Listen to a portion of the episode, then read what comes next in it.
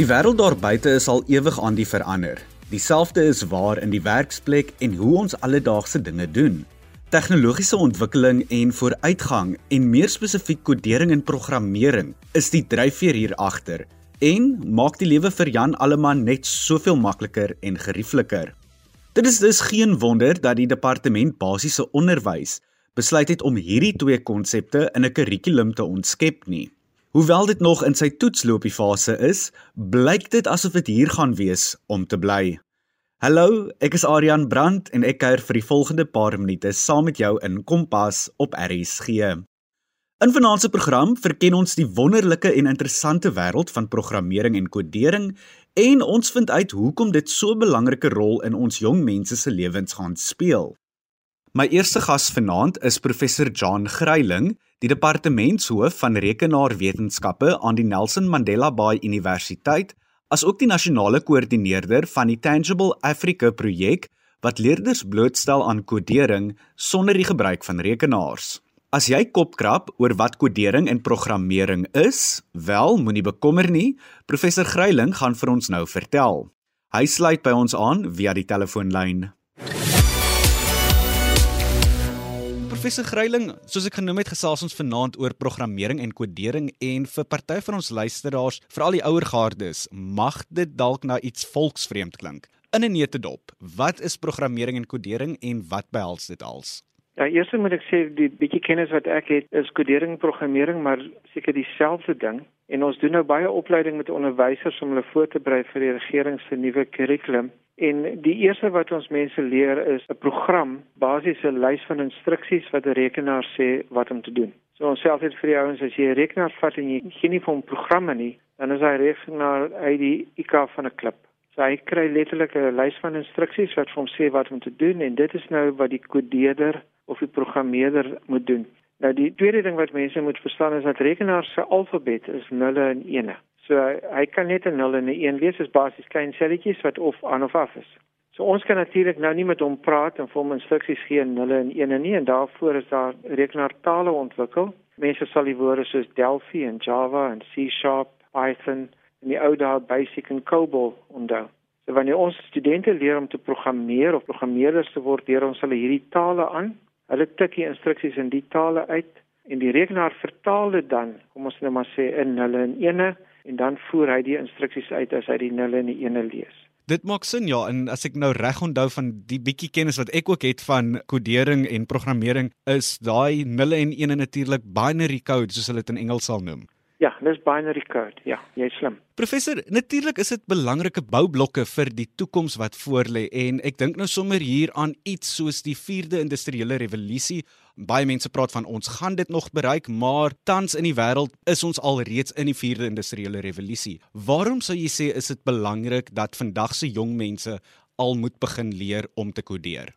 Wel ek dink die eerste rede hoekom jy moet selfs vir jouself sê ek wil graag kan kodeer is dat dis ek wil amper sê dis die skaarsste vaardigheid in in Suid-Afrika en meeste van die wêreld op die oomblik. So kodeerders of programmeerders het onsaglike keuses as dit kom by werksgeleenthede. Daar is 'n desperate tekort. Ek kan nie 'n ander woord gebruik nie. Mm. Daar's net bloot nie genoeg programmeerders nie. So enige ou wat dit wil daai vaardigheid wil aanleer en dit goed kan doen, gaan nie sukkel om werk te kry nie. Maar as ons nou spesifiek praat van jong mense en, en kinders op skool, is dit vir ons meer belangrik dat kodering nie gebruik word sodat jy nou gaan werk kry eendag nie. Ons beklemtoon dit nogal dat in skoolvlak en veral laerskoolvlak moet kodering 'n instrument word om kinders te leer hoe om probleme op te los, hoe om strategies te dink. En as hulle dan in in 'n goeie situasie die programmeringsvaardighede aangeleer word in groepsverband, kom anders vaardighede in soos groepwerk, kommunikasie. Nou jy praat van die vierde industriële revolusie. Nou kodering is nie die enigste vaardigheid wat nodig is in hierdie revolusie nie. 'n uh, Groepwerk en probleemoplossing en strategie en al hierdie goed is ook net so belangrik. So as ons praat oor kodering op skoolvlak, is dit vir ons amper meer belangrik as die kodering. As die onderwyser of die kurrikulum kodering gebruik om hierdie ander vaardighede vir leerders aan te leer.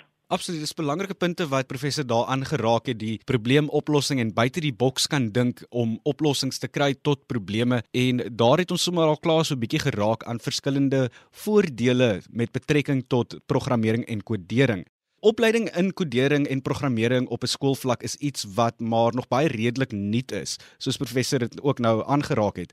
Wat kan jong mense vandag al doen om hulself toe te rus met die kennis en die vaardighede van kodering en programmering?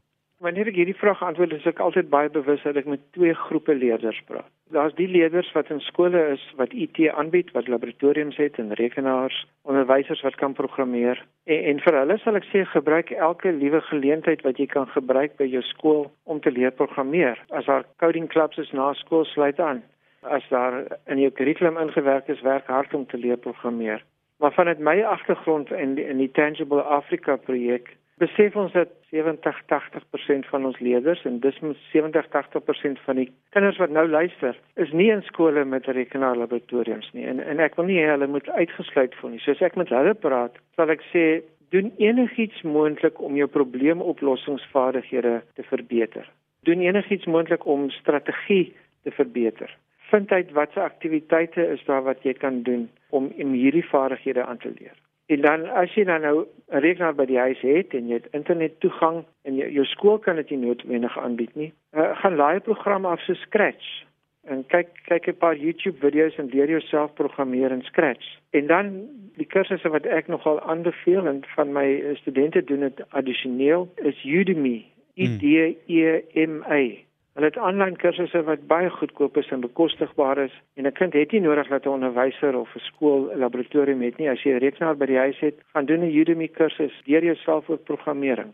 Maar ek wil net beklemtoon, die die ouetjies wat nou luister wat nie toegang het tot rekenaars nie, jy's nie uitgesluit nie. Doen soveel as moontlik op skool, doen goed in wiskunde en maak seker jy kan probleme oplos. Ek stem 100% saam. Dit is vaardighede wat in die toekoms gaan benodig word en wat gaan nodig wees. So rus jouself toe met dit. Professor nou vir die van ons wat sommer self wil navorsing doen en oplees oor hierdie onderwerp. Waar kan ons begin? Jy het nou genoem van Udemy, sommer ook watter kodering en programmering toeps of apps kan ons speel om hierdie vaardighede te ontwikkel? Ja, met, met die internet deesdae is, is die ou sê ding wat sê the world's your oyster heeltemal waar vir enige kind wat toegang het tot die internet. Vir my was dit nogal interessant toe ek net begin het met met die uh, Tangible Africa projek om te besef dat die konsep van kids coding is al 50 jaar oud. Sure. Uh, en kids coding is baie gaan basies daaroor hoe kan kinders voorgestel word aan rekenaarprogrammering. So jy kan net intik kids coding courses, kids coding programs, kids coding activities en daar jy gaan te veel inligting kry. Begin deur hulle werk. En dan net om jouself te bietjie motiveer uh rondom die beroepe. Ek net bloot in career opportunities in IT, career opportunities in South Africa. The scarcest skills in the 21st century the best job opportunities. Seker, jammer ek het nou in Engels, maar jy mhm. gaan dit maar in Engels met intik op die internet. Jy gaan net sien wat die wat is die vaardigheidstekorte ensovoorts in Suid-Afrika en soos ek sê in die meeste van die wêreld. En dan wil ek net vinnig iets sê oor ons uh, Tangible Africa projek. Ons het toepassings geskryf. Ons noem hulle tanks, boats en rangers waar ons met puzzelstukkies kinders voorstel aan programmering sonder dat hulle rekenaar enigstens nodig het. So mense is welkom om my te kontak as hulle iets daaroor wil uitvind dan kan jy bloot op Google Play Store of iPhone gaan. Jy kan net tik coding apps. Daar is toepassings op jou fone wat jy kan gebruik om te begin kodeer saam met 'n YouTube video. Ons gebruik dit nogal baie met ons studente ook. So ek hoop dis genoeg inligting vir jou om net aan die gang te kom op die internet. Soos professor Greiling genoem het, is daar vele bronne beskikbaar om jouself mee toe te rus om die wêreld van programmering en kodering te verken. Het jy geweet dat ons slimfone bevat meer kode as wat dit vir NASA geneem het om die mens na die ruimte te stuur in die 1970s? Kan jy dit nou oor vertel? Sommers so op die onderwerp van slimfone. Ek wil by 'n paar jong mense hoor watter toeps of apps en speletjies hulle die meeste gebruik en speel op hul slimfone. Dit is wat hulle te sê gehad het.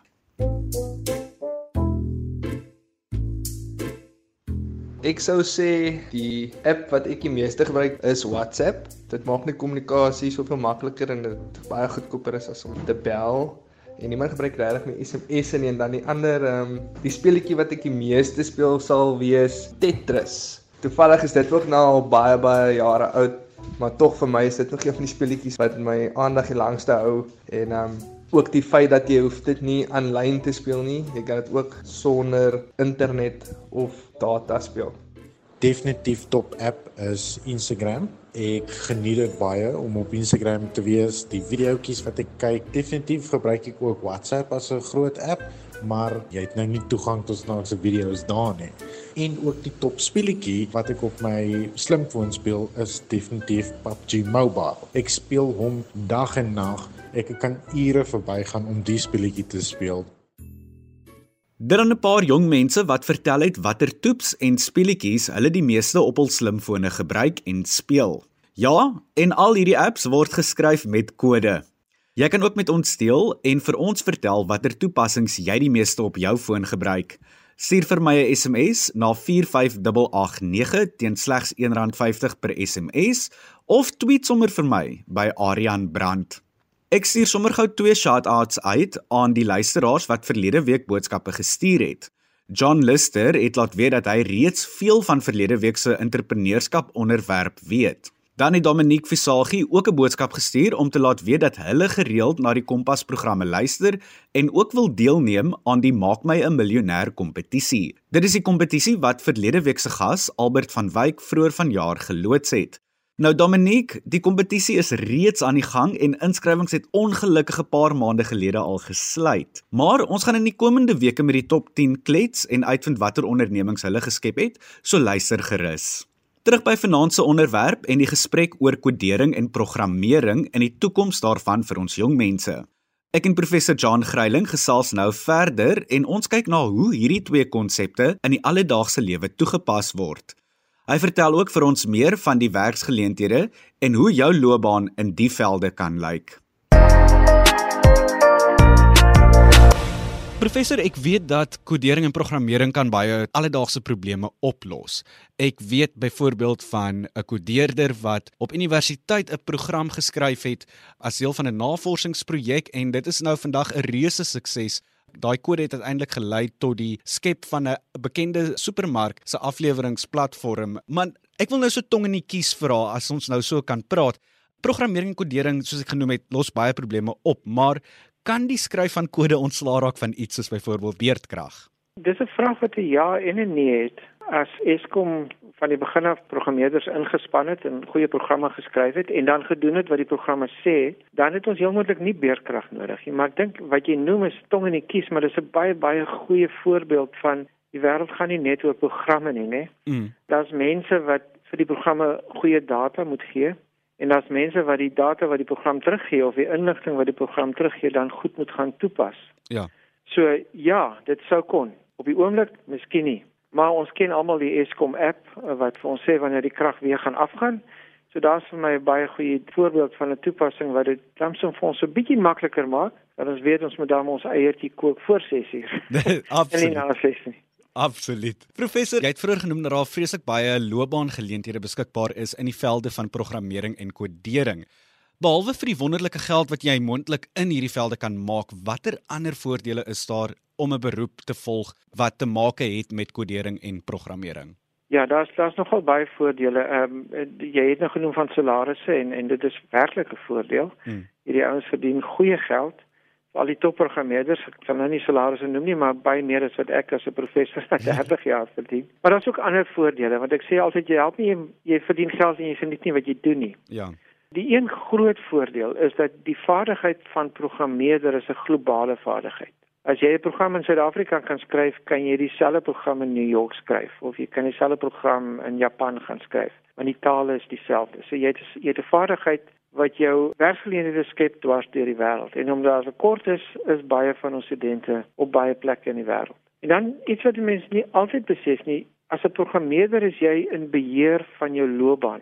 Wat dit beteken is jy kan letterlik elke 2-3 jaar van rigting verander want programmering is nodig in elke moontlike dissipline van die ekonomie. So jy kan vir 'n lang ruk werk sê nou maar in die wynindustrie en dan sê jouself sê nee, ek het nou genoeg, weet nou genoeg van wyn, ek gaan nou vir hospitale programme skryf. En daar's soveel beroepe binne die rekenaarbedryf. Jy het totale vryheid in hoe jy jou loopbaan beplan vandat jy uit universiteit uitkom tot jy eendag gaan aftree. Jy gaan nie vir die res van jou lewe nou tong in die kies 'n dokter wees of 'n regter nie of 'n prokureur nie. Jy gaan jou beroep kan kies. Dan natuurlik baie belangrik en COVID het dit al hoe meer blootgestel. Jy kan enige plek in die wêreld werk vir enige ander maatskappy op enige ander plek in die wêreld. En ons sien dit al hoe meer gebeur. Die ekstreemste gevalle wat ek gehad het, is 'n oud student van ons wat alles verkoop het in Suid-Afrika by 'n maatskappy aangesluit wat gesê het hulle gee nie om waar hy bly nie en hy was letterlik elke 3 maande in 'n ander deel van die wêreld. Dan was hy in die Himalajas, dan was hy in Kanada, dan het hy in uh, Amsterdam gebly en het letterlik vir ons foto's gestuur terwyl hy vir dieselfde maatskappy werk. En dan die konsep van kreatiwiteit. 'n Programmeerder is eintlik 'n skilder. Jy begin met niks en jy's in beheer en jy skep. En en hierdie hierdie gevoel van skep is 'n ongelooflike lekker gevoel wat programmeerders het. Jy pas nie net reëls toe nie, jy skep. Dit dan professor John Gryiling, die departementshoof van rekenaarwetenskappe aan die Nelson Mandela Bay Universiteit, asook die nasionale koördineerder van die Tangible Africa projek wat leerders blootstel aan kodering sonder die gebruik van rekenaars. Nou ja, ons het vinnig geraak aan loopbane, maar ek gaan nou met twee mense gesels wat op 'n daaglikse basis met kode en die skep van sagte ware werk. Cornelius Gryiling, professor Gryiling se seun, is die uitvoerende bestuurder van twee maatskappye wat in die sektor funksioneer. Die een is 'n kripto-mikrobetalingsoplossingsmaatskappy en die ander is 'n sagte ware ontwikkelingsmaatskappy. Cornelius sluit nou by ons aan op die telefoonlyn en vertel vir ons meer van werksgeleenthede en loopbane binne programmering en kodering. Ons gaan ook so 'n bietjie kyk na die voordele hieraan verbonde. Ek weet dat daar 'n dringende tekort is aan programmeerders en ontwikkelaars in ons land, maar ook reg oor die wêreld. So ek glo dat daar vele werksgeleenthede beskikbaar is in hierdie velde vir ons jong mense. Hoe lyk algemene geleenthede, maar ook werksgeleenthede en loopbane in hierdie veld? Oor die laaste paar jare het ons 'n groot toename gesien in in geleenthede vir ontwikkelaars in Suid-Afrika maar reg oor die wêreld. Suid-Afrika het regtig waar een van die lande geraak waar die ontwikkelende wêreld gaan soek vir programmeerders of ontwikkelaars as gevolg van ons goeie universiteite en ons goeie um, kwaliteit van ontwikkelaars wat ons oplewer, maar ook ons relatiewe goedkoop lewenstyl teenoor groter stede soos San Francisco of New York of Miami. So ons, ons lewer goeie kandidaate op in Suid-Afrika en ook 'n goedkoop leefstyl. So groot maatskappye kan altyd mense aanstel in Suid-Afrika teen baie goedkoper as hulle sou in, in ander lande. In die verlede het hulle baie gekyk na plekke soos Indië of Hongarye of Oos-Europa, maar oor die laaste paar jaar het hulle baie meer begin fokus op Suid-Afrika omdat ons selfde kulturele koneksies het, maar ook ons taal. Ons praat baie goed Engels, ons kan goed kommunikeer. En ook die tydsones is klein bietjie beter vir hulle veral aan die um, ooskus van van Amerika. So so vir al daai redes het basies gelei tot 'n groot toename in, in maatskappye oorsee om mense in Suid-Afrika te soek. So dit is regtig vreeslik opgeneem in Suid-Afrika om 'n ontwikkelaar te wees in Suid-Afrika. En dis natuurlik absoluut 'n goeie rede om 'n loopbaan in hierdie rigting te kies en te oorweeg vir in die toekoms. Cornelis, ek weet dat kodering en programmering baie van ons alledaagse probleme kan oplos en selfs ook die wêreld 'n meer effektiewe plek kan maak. Ek meen ons het nou al baie al gehoor van die skep van apps en so aan en hoe kode al gehelp het om sekere probleme op te los en dit te oorbrug of te oorkom. Kan jy vir ons 'n paar voorbeelde gee van gevalle waar toeps of die skryf en ontwikkeling van kode en programmering die lewe vergemaklik het? Ek dink twee grootste goed wat Suid-Afrikaners al um, gewen het by toeps of um, goed is. Nommer 1 is ons bankstelsel. Wanneer laas het dit het jy ingegaan na die bank toe om 'n betaling te maak of om geld van een rekening na 'n ander rekening toe te skuif? hmm. of om 'n spaarrekening op te maak. Ek sou sê 90 na 95% van al wat jy wil doen met jou bankrekening kan jy op jou selfoon doen. En dit is nie die ontwikkeling van sagteware maar maar nie net die sagteware nie, ook die gemaklikheid van mense om sagteware te gebruik vir meer konfidensiële goed. Daar's 'n bekende grappie wat gaan ehm um, jy moet nooit met iemand op die internet jou adres gee nie en jy moet nooit saam met enigiemand as, as jy moet, op die straat met sy kar klim en deesdae gaan jy op jou selfoon jy sit jou adres in 'n kar kom na jou en jy klim in die kar en hy vat jou lughawe dis Uber. So daai twee goed ek dink dit is ons alledaagse lewe heeltemal verander en selfs nou na Covid het mense begin hulle um, met checkers 'n 6060 toep of Pick n Pay se bottles toep het mense begin um, hulle kry die nuusware ook online koop Ja. Baie meer as voorheen. Ek kan nie onthou wanneer laat ek die telefoon opgetel het om 'n restaurant te bel om 'n bespreking te maak nie. Ek gaan dit op hulle webwerf op en ek sê die tyd en die datum en hulle sê van 'n plek gaan wees ek sê of ek wil binne of buite sit en dit is gedoen. Ek kom daar aan, hulle weet van my en so stadig maar seker vat sagte waar elke liewe faset van ons lewe oor. Absoluut en ek dink ons kan dit al meer en meer begin sien. Dit dan Cornelius Gryiling, die uitvoerende bestuurder van twee maatskappye wat in die kodering en programmering sektor funksioneer. Cornelius het vir ons vertel van loopbaangeleenthede in die sektor en ook hoe die toekoms lyk. Nou, speletjies maak ook gebruik van kodering en programmering. Morne Jansen van Vuren, ook bekend by sy aanlyn naam Morzoid, is tans besig om sy eie aanlyn speletjie te ontwikkel en te skryf. Ek het met hom gesels en meer uitgevind hoe hy hierdie twee dissiplines toepas. Morney, vertel vir ons 'n bietjie meer van jouself en ook die agtergrond wat jy het in sagteware ontwikkeling. Ek is Morney Jansen van Vieren, staan ook bekend as Morzoid op YouTube. Ehm um, ek is 'n uh, akteur, ek sing, dis maar wat ek doen oor die naweke en die week werk ek maar soos die res van ons en uh my vrye tyd is ek maar besig met kodering en programmering en uh ek het my eie studio begin wat rekenaarspeletjies ontwerp. Ek geniet dit nogal verskriklik baie. Ek is nou in die programmering van 'n uh, sekere projek wat ons besig is mee wat ek nog nie oor wil praat nie. Nou, jy het al ervaring met kodering en programmering. Hoe het dit gekom of gebeur dat jy 'n belangstelling ontwikkel het in hierdie rigting? Dit is eintlik baie interessant toe die eerste lockdown getref het toe sit ek vir omtrent 'n maand by die huis en uh soos jy weet mense kon nêrens heen gaan en niks veel doen nie. So toe Google toe nou maar wat se interessante goed is daar om te leer op die internet, net om myself bietjie besig te hou en my kennis bietjie te vermeerder. En uh, ag ek was maar nog altyd geïnteresseerd in my rekenaarspeletjies en die PlayStation en daai goedjies. Dit was maar nog altyd 'n ding wat ek aan gedink het om in die design rigting in te gaan vir die speletjies bedryf. En uh, ja, dis toe hoe dit begin het. Ek het 'n paar kursusse gedoen op die internet en van daar af het my projek en uh, my liefde vir programmering ontwikkel. Jy is ook tans besig met die skryf of die ontwikkeling van 'n aanlyn speletjie wat jy beplan om later vanjaar of sodra dit klaar is, uh vry te stel. Dit gaan natuurlik wees soos ek verstaan op Xbox en ook op PlayStation. Vertel vir ons meer van die ontwikkeling daarvan en die hele proses om met sagte ware te werk en ook jou eie program of speletjie dan te skep. Wat is dit wat jy die meeste geniet van die hele proses en wat sou jy sê is die uitdagings wat jy ook ervaar? Wel, ek moet sê die ding wat die lekkerste is van enige kreatiewe proses is maar om 'n dingetjie te programmeer en as dit 'n simpel ding is soos 'n uh, knoppie wat jy druk, as jy daai ding programmeer het en jy druk die knoppie en hy werk, dan voel jy soos 'n miljoen dollars soos wat hulle sal sê in Engels. So ja, dis maar om ietsie te ontwerp en na die tyd na iets te kan kyk en te kan sê ek het uh, ek het dit gedoen. Die uitdagings, jong, ek dink die die grootste uitdaging veral as dit kom by 'n uh, programmeringstaal soos C++ of Java is met baie geduld hê en jy moet 'n liefde hê vir nommers of 'n uh, baie tik want uh, dis nogals 'n uh, uitdaging as jy 'n simpel dingetjie wil ontwerp en dit vat 'n paragraaf om een knoppie te laat werk. Dit is nogal 'n uitdaging, maar sodra mense dit 'n paar keer gedoen het, soos hulle sê practice makes perfect, dan um, raak dit makliker. Mornheid en slotte, hoekom sal jy ander jong mense aanmoedig om ook te leer om te kodeer of programme of speletjies te skryf en te ontwikkel? Jong, ek sal sê dit is baie goed vir jong mense want dit help jou om jou brein bietjie te ontwikkel. En die ding is daar's baie dinkwerk wat gepaard gaan met die proses. Ja, ag in in twee maniere. Dit help jou om bietjie meer in 'n ontwerp rigting te dink. Dit help jou om jou kreatiewe gedeelte uit te bring.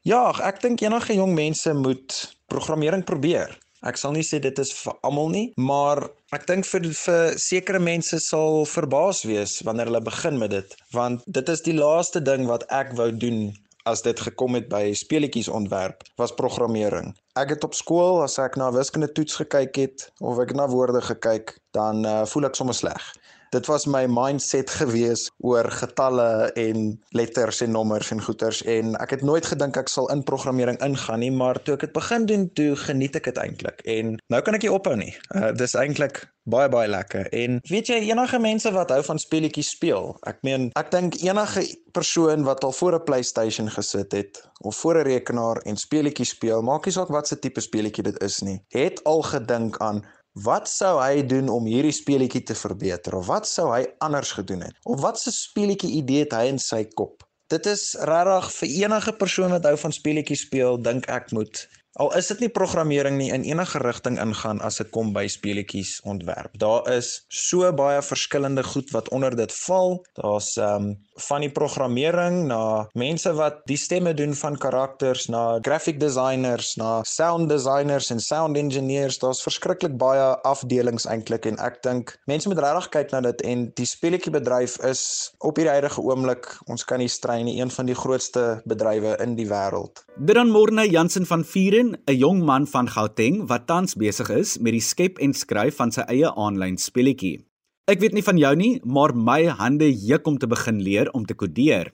Daar is wonderlike voordele hieraan verbonde, soos my gaste vanaand genoem het. Dit ontwikkel jou probleemoplossingsvaardighede, help met kreatiwiteit en natuurlik ook kommunikasie. Nou ja, die tyd het ons gevang en ek moet groet. Martleen Oosthuizen is môre aand weer aan die stuur van sake en ek kuier volgende week saam met jou. Van my kant, tot dan. Mooi loop.